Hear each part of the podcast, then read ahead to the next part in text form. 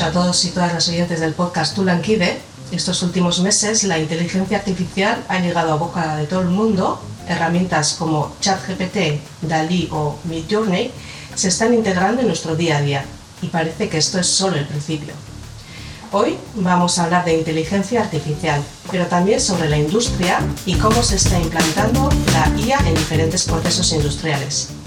Para ello, para ello hemos venido hasta IDECO, en el Goibar, a charlar con Nerea Aranguren, directora gerente de IDECO y vicepresidenta del BAIC, Basque Artificial Intelligence Center, o el Centro Vasco de Inteligencia Artificial. Caixo Nerea. Caixo. Bienvenida al podcast de Tulanquide. Muchas gracias. Eh, parece que la inteligencia artificial está llegando a cada rincón de nuestro día a día y estos últimos meses está viviendo un boom. ¿Cómo, está, cómo estás viviendo todo esto de la inteligencia artificial mainstream? Bueno, pues lo primero, eh, encantada de recibiros aquí y charlar un rato con vosotros sobre, sobre este tema que es apasionante, ¿no? Y que, que sí es cierto, que está igual a, ha entrado en un nivel de, de, debate pues como muy de usuario, ¿no? Muy de la calle. Y ha sido de repente, yo creo que muy rápido, pues, pues con los ejemplos que has dado, ¿no? Que han llegado al, al usuario final y que todo el mundo lo conoce y todo el mundo se empieza a hacer una, una imagen o empieza a formar una opinión sobre qué es la inteligencia artificial en el ámbito industrial llevamos un montón de tiempo trabajando y de hecho eh, el, motivo por el que ahora se hable tanto de inteligencia artificial es eh, que ahora hay datos, cosa que antes no había datos, pero los principios de la inteligencia artificial es, es programación, son matemáticas y esos vienen ¿no? desde hace mucho tiempo. La diferencia fundamental es que ahora tenemos datos para, para aplicar ¿no? toda esa tecnología y también tenemos capacidad de computación. ¿no? Los ordenadores son cada vez más potentes y pueden hacer más cosas. Y, y lo curioso es que eh, toda esa capacidad de computación y, todo, y toda esa aplicación de tecnología a los datos, pues igual parece que va más rápido en los entornos sociales o en otros sectores diferentes a lo que es el sector industrial.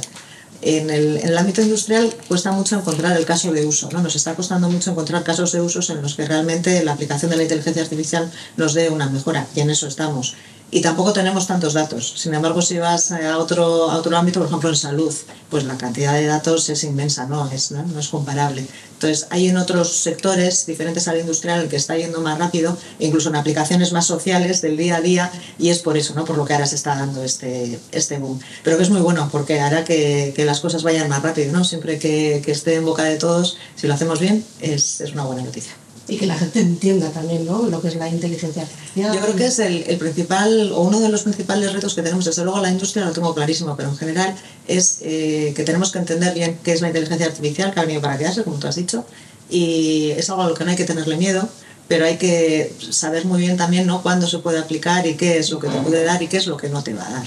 Y ahí, bueno, pues como todo, al principio en este momento, boom, ¿no? Eh, botella de champán, pues todo, todo parece que lo va a resolver la inteligencia artificial. Y bueno, poco a poco las cosas se irán calmando y iremos ¿no? encontrando un poco ese, ese espacio en el que realmente sí que supone una ventaja competitiva y que hay que utilizarla, sin duda. Uh -huh. eh, en este ámbito, en IDECO, ya, ya lleváis unos cuantos años trabajando. ¿En qué estáis trabajando? Nosotros estamos especializados en el mundo de fabricación, de fabricación avanzada.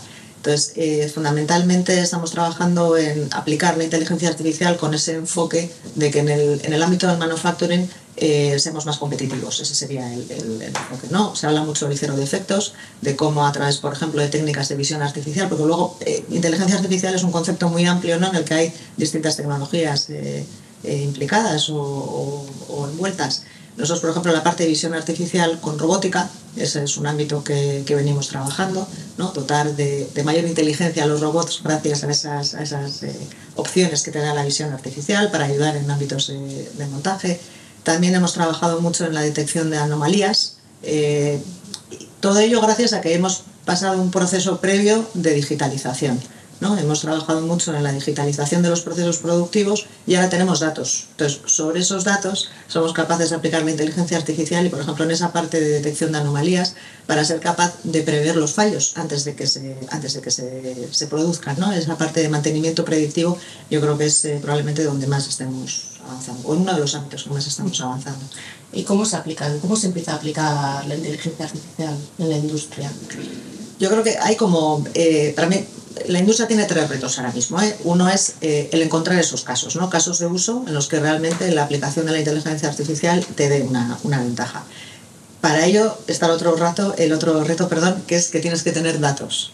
Y, ese es otro gran ámbito de trabajo, ¿no? Esos datos, no solo mis datos, sino por qué no compartimos datos ¿no? dentro de los ámbitos industriales que, que nos permitan eh, poder sacar más beneficio a aplicar la inteligencia artificial a toda la cadena de valor.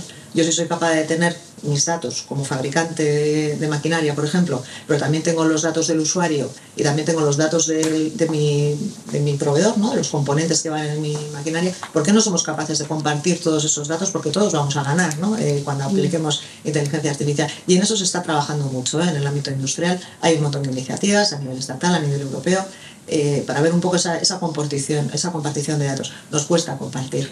¿no? Al final entendemos que el dato tiene un valor y cada vez más entonces, dejarlo a disposición de otros, pues todavía nos cuesta y hay que trabajar mucho en la gobernanza de ese dato, de quién es, para qué se usa, eh, cómo se usa. Entonces, bueno, todo eso yo creo que es un ámbito de trabajo, pero es un reto para la industria.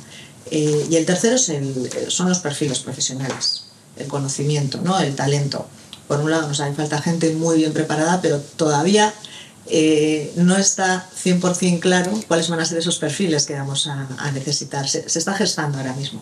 Entonces, por un lado es un momento apasionante porque estamos en la mitad ¿no? de toda esta vorágine, pero es complicado, es complicado y hay que generar, hay que gestionar muchas expectativas. Hay un montón de trabajo que se está haciendo.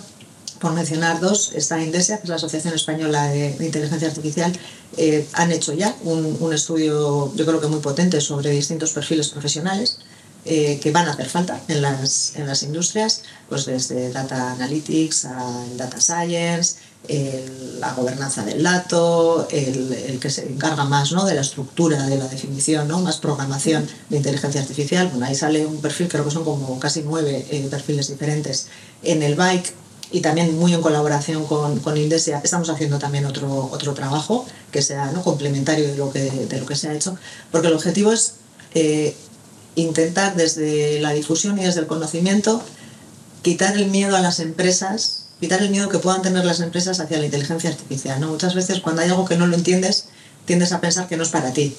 Y, yo creo que eso es un trabajo que tenemos que hacer muchísimo, ¿no? El difundir, el explicar, ¿no? De qué, de qué va todo esto. Y para eso, según vayamos mejorando el conocimiento que hay dentro de las organizaciones, ¿no? Las personas que están dentro de las organizaciones, cuanto más sepan de inteligencia artificial, pues probablemente será más fácil que identifiquen esos casos de uso y que, y que vean, ¿no? La necesidad de compartir los datos. Entonces, bueno, es, es un camino que está en marcha, pero que todavía hay que, hay que trabajarlo.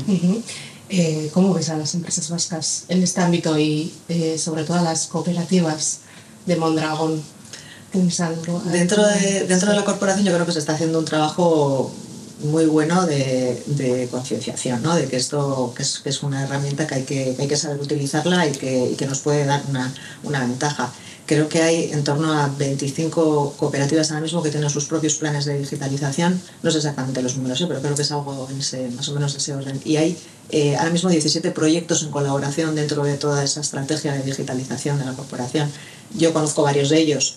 Eh, esa es una vía, yo creo, fundamental, ¿no? Proyectos, ir haciendo pilotos, ir viendo realmente no lo que da de sí, lo que no da de sí, lo que decía, quitar el desconocimiento, ¿no? Que es lo que igual nos puede generar una, una barrera. Yo creo que desde ahí se está empujando mucho. Se ha creado la comunidad de inteligencia artificial en la que, bueno, pues casi casi, no sé si utilizar el término, ¿no? pero los frikis de la inteligencia artificial pues ponen en común ¿no? todo su, su conocimiento con mucho caso de uso y bueno, pues la gente que se engancha a esa comunidad pues va viendo un poco ¿no? lo que funciona, lo que no funciona, cuáles son los casos prácticos que están sacando. Se está trabajando también muy bien con la universidad identificando pues, posibles eh, grados o posibles másters ¿no? en, este, en este sentido, con una incertidumbre fuerte porque todavía, lo que os decía, todos esos perfiles que estamos identificando, tanto en el bike o en, en Indesia, pero también dentro de la corporación, eh, no tenemos claro todavía, yo por lo menos no lo tengo y creo que en general todavía no está suficientemente claro dónde van a tener que estar, si son, eh, si son roles que van a tener que estar dentro de la industria o si son, bueno, algunos de ellos van a estar dentro, pero otros van a estar externalizados en, en empresas ¿no? más especializadas. Todavía, ¿no? Si va a ser temas más de I más D y no tanto, bueno, hay que, hay que seguir andando un poco, hay que recorrer un poquito más el camino para que las cosas se vayan eh, aclarando, pero yo creo que se está, se está haciendo un buen trabajo.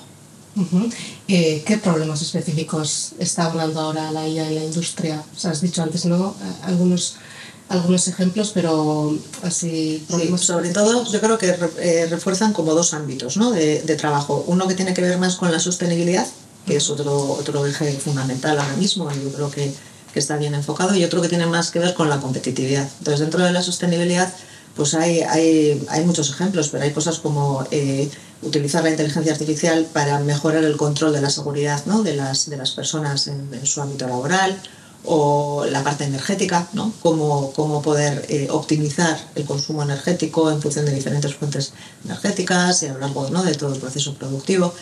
Mientras que en el ámbito de competitividad, pues lo que os decía, mantenimiento predictivo, mantenimiento preventivo, ¿no? todo lo que tenga que ver con evitar las, las paradas, la parte de robótica, ¿no? Cómo, cómo dotar de visión artificial a la robótica para, para, mejorar.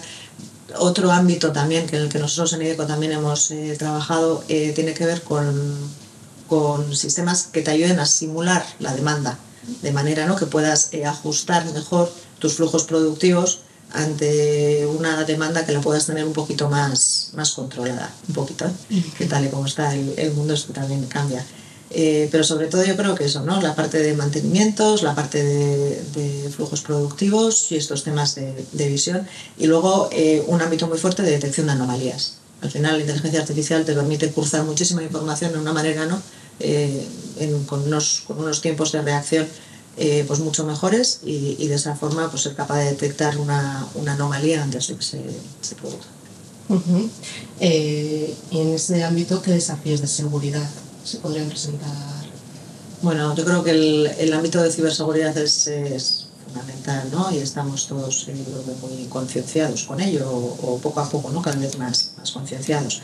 Eh, el, por un lado está eso, ¿no? Al final estás abriendo, ¿no? O sea, te estás conectando, la ciberseguridad está avanzando muchísimo, pero hay que ser conscientes de que hay que tener ahí un ojo puesto.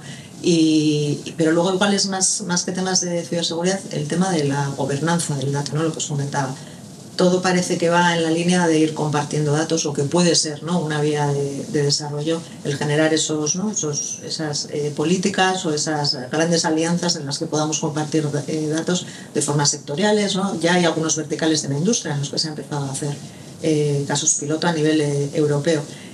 Y luego hay otro componente que, bueno, pues Europa, Norteamérica, China, somos diferentes, ¿no? Y en, muchos aspectos. Y en toda la parte ética y la parte de estos datos para qué los vamos a utilizar o no, pues también somos diferentes y tenemos que, que regular. Nosotros en Europa, yo creo que se está haciendo un trabajo importante desde, ese concepto, ¿no? De la ética del dato, de, de, trabajar muy bien, ¿no? Esas políticas de gobernanza. Vamos a ver a dónde nos lleva. ¿Y qué, eh, qué diferencias ves en esas políticas éticas entre Europa, Estados Unidos? Bueno, eh, yo creo que somos, pues ya sabemos, ¿no? Pues en países como China, pues allí el, sentido de la propiedad y, ¿no? y dónde queda el individuo y demás es, una, es un ámbito totalmente diferente al, a los valores ¿no? que podemos tener en Europa. Y luego, pues en los Estados Unidos, pues bueno, pues yo creo que en Europa tenemos probablemente unos valores éticos eh, superiores ¿no? a lo que es la propiedad y la, la defensa de la persona y y bueno, eso pues en algunos casos igual puede suponer, eh, no sé si es una pérdida de competitividad o no, ¿no? pero bueno, yo creo que hay que hacer las cosas bien, hay que hacer las cosas bien. En Europa eh, sí que hay una iniciativa o una, una, tendencia ¿no? a que haya una regulación en la que todos nos sintamos cómodos y que, nos permita ¿no? en el tiempo seguir trabajando de esa forma. ¿Crees que la inteligencia artificial cambiará eh, el modo en que nos comunicamos? El modo en que hacemos nuestro día a día, no ¿qué nos va a traer? Yo, yo no soy ninguna experta en inteligencia artificial, eh, pero yo creo que ya ha cambiado, ¿no? Ahora estamos aquí grabando un podcast, eh, bueno, todos y, más con la pandemia se ha acelerado todo muchísimo. Yo creo que la forma que tenemos de comunicarnos ¿no? y de interactuar dentro de las organizaciones, pero en todos los ámbitos de nuestra vida ha cambiado muchísimo y seguro que esto también lo seguirá, lo seguirá eh, metiendo ¿no? un poquito más de, de acelerón has comentado ¿no? en la introducción el chat GPT, pues que todo el mundo lo conoce, todo el mundo está haciendo pruebas y le está pidiendo cosas y le está pidiendo... Eh, sí, lo está alimentando también. Lo, está alimentado y, exacto, estamos enseñando entre todos, ¿no? lo estamos mejorando. Entonces, bueno, yo creo que sí, sí, es evidente que, las cosas están cambiando. Mm, pues es que ricas con Nerea. Y mucho gusto tenerte en el podcast Tú la y hasta la próxima. Pues muchísimas gracias a vosotros. Por